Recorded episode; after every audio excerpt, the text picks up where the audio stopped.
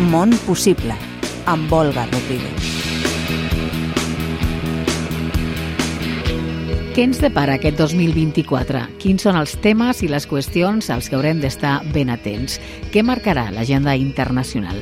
Ho repassem a Món Possible amb l'investigadora del CIDOC, Carme Colomina, especialista en Unió Europea, desinformació i política global.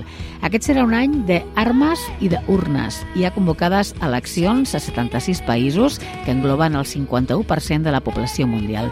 També al Parlament Europeu hi ha una dotzena de països de la Unió. Sens dubte, serà un bon termòmetre per mesurar la força de l'extrema dreta. El 2024 haurem de continuar mirant cap a Gaza, una situació d'autèntic genocidi de la població palestina i d'impunitat per part d'Israel, país al que hem vist plantar cara a la mateixa ONU, el seu secretari general. Això ens fa reflexionar sobre el paper de les institucions internacionals.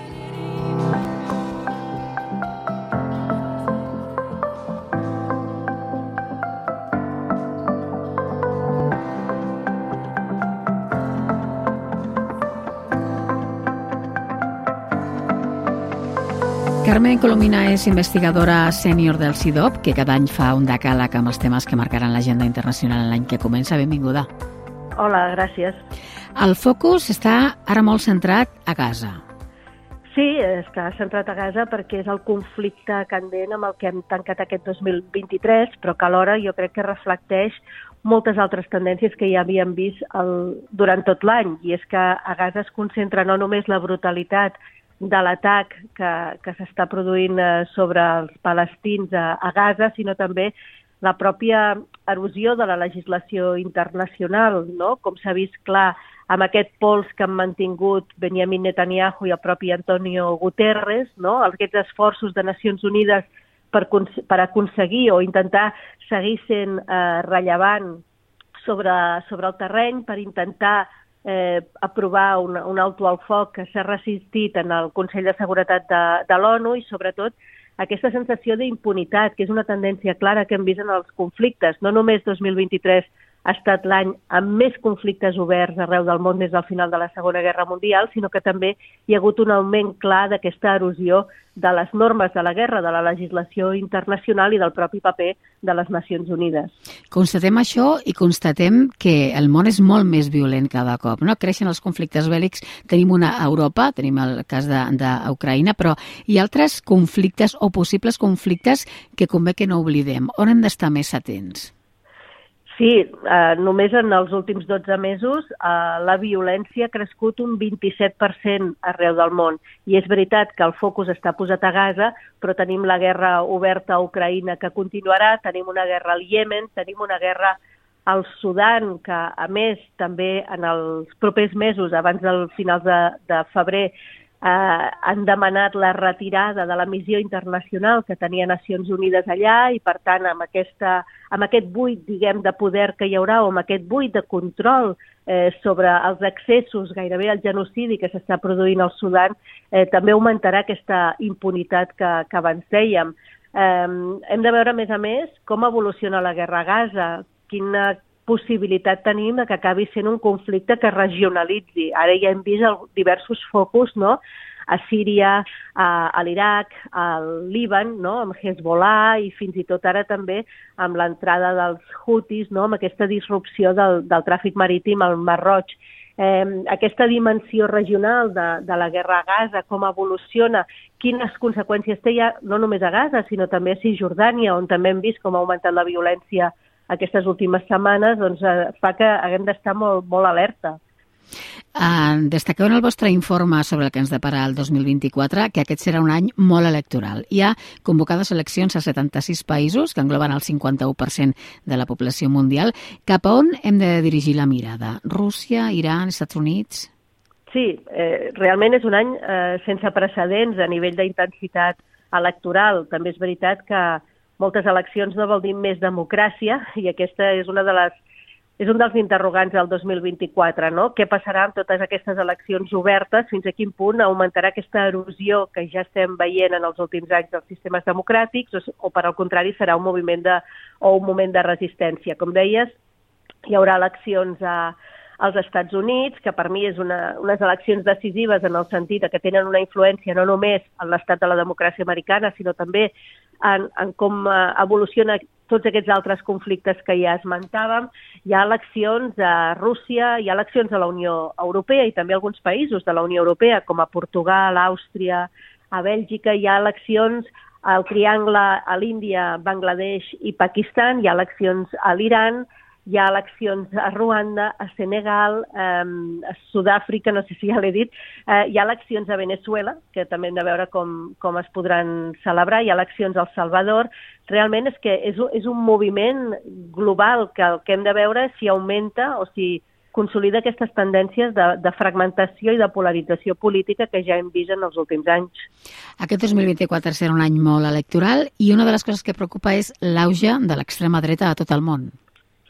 Sí, de fet, si veiem com hem acabat el 2023, no?, amb l'elecció de, de Javier Milei, un candidat que s'autodeclara narcocapitalista a Argentina, però també a, a la mateixa Unió Europea, que hem tingut una de freda i una de calenta, primer amb la victòria de l'oposició a Polònia, eh, però també amb la victòria d'un líder d'un polític xenòfob com és Herr Wilders als Països Baixos. I aquesta serà una de les grans preguntes de les eleccions europees que s'han de de celebrar el 9 de juny. Fins a quin punt veurem els límits d'aquest procés de dretització eh, que viu la, la Unió Europea. De moment, les enquestes en intenció de vot eh, donen uns resultats molt bons per les famílies de, de dreta radical i d'extrema dreta. És veritat que les famílies tradicionals aguanten, continuen sent les primeres de la cambra, el PPE, segons les enquestes, tornarà a ser la primera família política del Parlament Europeu, però tant el PPE com els socialdemòcrates com els liberals perden escons i, en canvi, qui guanya clarament escons o qui guanyaria clarament escons segons les enquestes són els conservadors i reformistes, que és la família que, que presideix eh, Giorgia Meloni, on, on seu Vox, per, per explicar-ho així eh, més pròxim a, als oients, i també els eh, Identitat i Democràcia, que és l'altra família de, de dreta xenòfoga, d'extrema dreta, que és on hi ha Marine Le Pen i on hi ha, per exemple, Alternativa per Alemanya, que també totes les enquestes eh, certifiquen a Alemanya que està pujant moltíssim en intenció de vot. Carme Colomina, investigadora del CIDOP, recolliu el vostre informe la desafecció de la ciutadania de la política. Hi ha sobresaturació informativa, però a la mateixa, al mateix moment hi ha eh, desinformació i molta toxicitat, perquè hi ha moltes informacions falses. Tot el tema de la intel·ligència artificial que també desvirtua la realitat. Eh, per cert, la Unió Europea ha començat a regular la, la intel·ligència artificial. Sí, per nosaltres eh, aquesta és una de les tendències o un dels fenòmens en els que volíem posar l'accent perquè ens preocupa realment. Ja hi ha enquestes que demostren cada vegada eh, més que tenim unes societats eh, exhaustes, no? aclaparades, aclaparades per la quantitat d'informació, l'acceleració dels esdeveniments, però també per la incertesa de saber si allò que veuen és, és veritat o no. no? Cada vegada hi ha més gent que declara eh, literalment que evita les notícies, que no es vol informar, i estem parlant, per exemple, en països com Grècia és el 57% de la població, o el mateix a Bulgària, per tant és més de la meitat de la, de la població que es declara cansada de la informació i que, per tant, desconnecta fins a quin punt això que és una desconnexió social no també té conseqüències o, o pot suposar una desconnexió política. Si això li sumes, com bé dius, la incertesa del, dels efectes de la desinformació en un any on clarament hem vist la, la sofisticació que suposa i la, la intel·ligència artificial generativa, no? la creació de continguts. De fet, ja hem tingut algun tast en els últims mesos de com aquesta intel·ligència artificial generativa s'ha adoptat en algunes campanyes electorals i aquí una vegada més Argentina és l'exemple, no? com es, van, eh, es va fer servir la, la IA generativa per, per crear vídeos que posaven els candidats amb determinades imatges de pel·lícules que sobretot el que feien era doncs, augmentar la capacitat de crear percepcions no? sobre un o, o sobre, o sobre l'altre. Els experts dels Estats Units ja apunten que pot ser un dels fenòmens en aquestes eleccions del 2024. Fins a quin punt, si les eleccions del 2016 als Estats Units van ser les eleccions de la postveritat, fins a quin punt les del 2024 seran les de la intel·ligència artificial.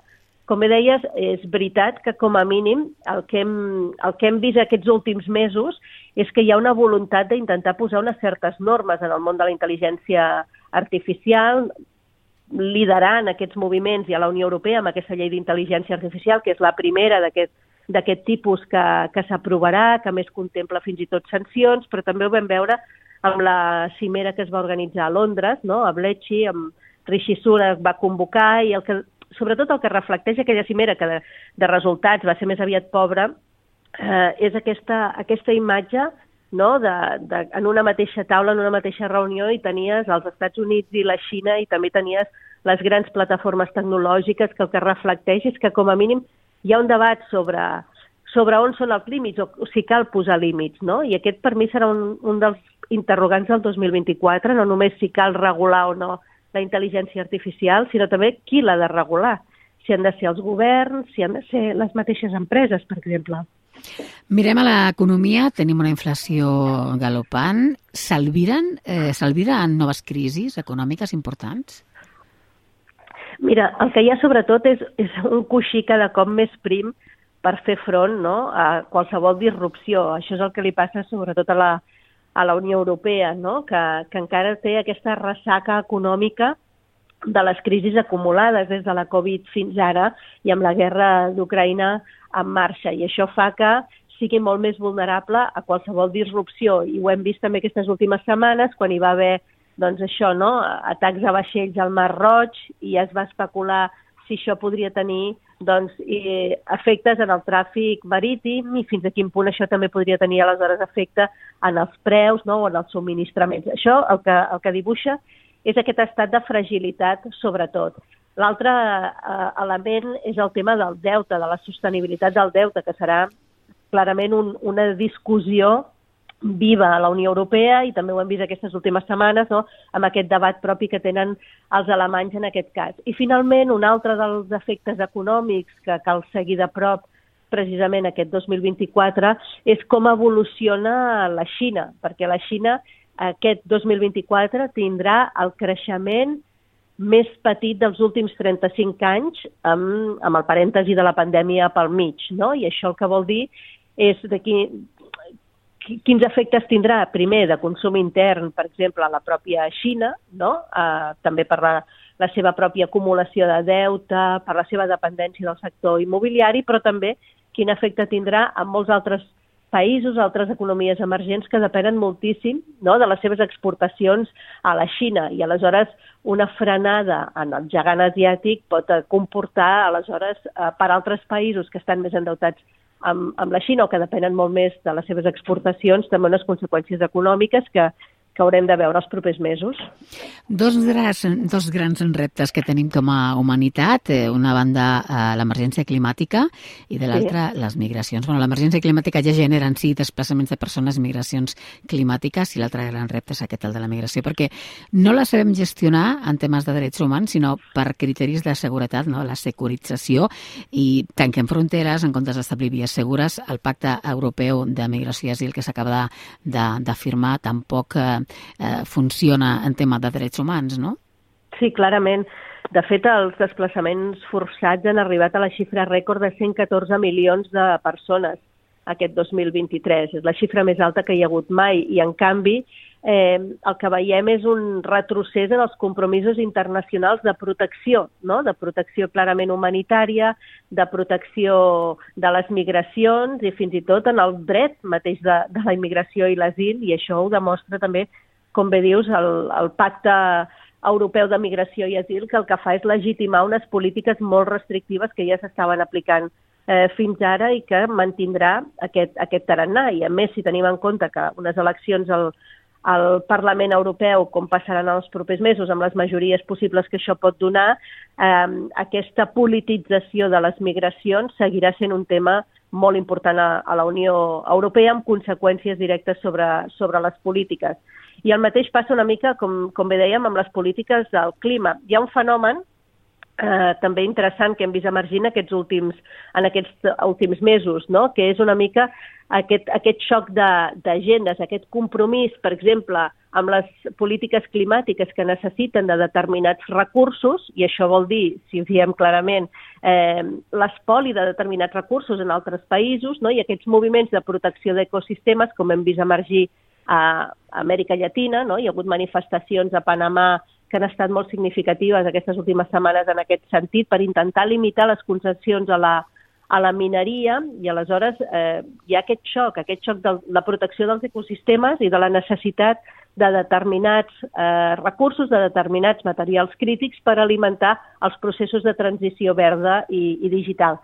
I pot ser que passi el mateix a Europa, perquè una de, les, eh, una de les conseqüències o un dels instruments que contempla la llei de matèries crítiques de, de la Unió Europea, precisament, és el retorn de la mineria a Europa, no? I aquí també hem de veure quines conseqüències socials, econòmiques i mediambientals suposaria això. Una última pregunta. Podem dir que, que el món està en crisi, que té una crisi de valors i una mena de... estem en una mena de fracàs de, de la humanitat? Home, dit així seria molt descoratjador ja només mm. començar, començar l'any, però sí que és veritat que nosaltres eh, el que tenim és aquesta sensació d'erosió continuada i cada cop més profunda. No? Per això ens preguntàvem una mica on són els límits de, de la impunitat eh, global, no? de com, com es, es gestiona i sobretot qui ho gestiona, perquè el que, les conseqüències més directes d'aquesta impunitat i d'aquesta erosió de la legislació internacional és que falten referents, falten àrbitres, no? falta un consens sobre quines són les normes, no? les regles de joc. El que hem fet, i, i s'ha vist clarament amb, amb els diferents conflictes que hem, que hem viscut, no? eh, cada vegada més, la, fins i tot les normes de la guerra ja no, ja no es respecten i hem tingut molts exemples. Nosaltres parlem d'aquest concepte, no? que és d'un politòleg diplomàtic libanès que diu que que s'ha desregularitzat la força en els últims anys, en el sentit de que s'ha aplicat la força sense regles. I això ha estat un procés continuat. Jo crec que probablement té un punt d'arrencada brutal en aquest, en aquest mil·lenni amb la, amb la invasió de l'Iraq, no? com, com es fa sense, eh, de manera il·legal. Torna a passar el mateix amb l'annexió de Crimea el 2014, però també ho hem vist, per exemple, amb l'expulsió forçada dels armenis a l'Alt Karabakh aquests, aquestes últimes setmanes, no? aquests últims mesos, com això ha passat en un moment i com s'ha acceptat, no hi ha hagut una reacció internacional no? d'indignació, perquè també estem en un moment on precisament les potències, i sobretot en aquest cas la Unió Europea, doncs, busca contractes preferencials pels recursos, els hidrocarburs de l'Azerbaidjan. Llavors, tots aquests processos no, topen.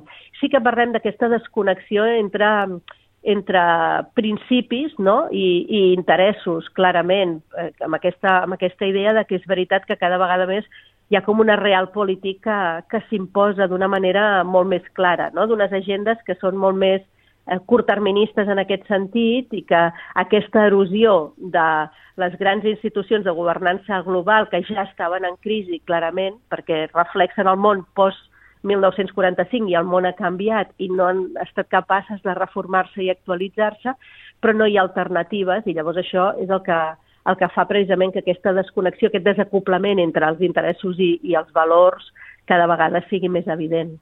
Estarem molt atents. Carme Colomina, investigadora sènior del CIDOP, gràcies per aportar-nos les claus d'aquest 2024 i molt bon any. A vosaltres, gràcies i bon any.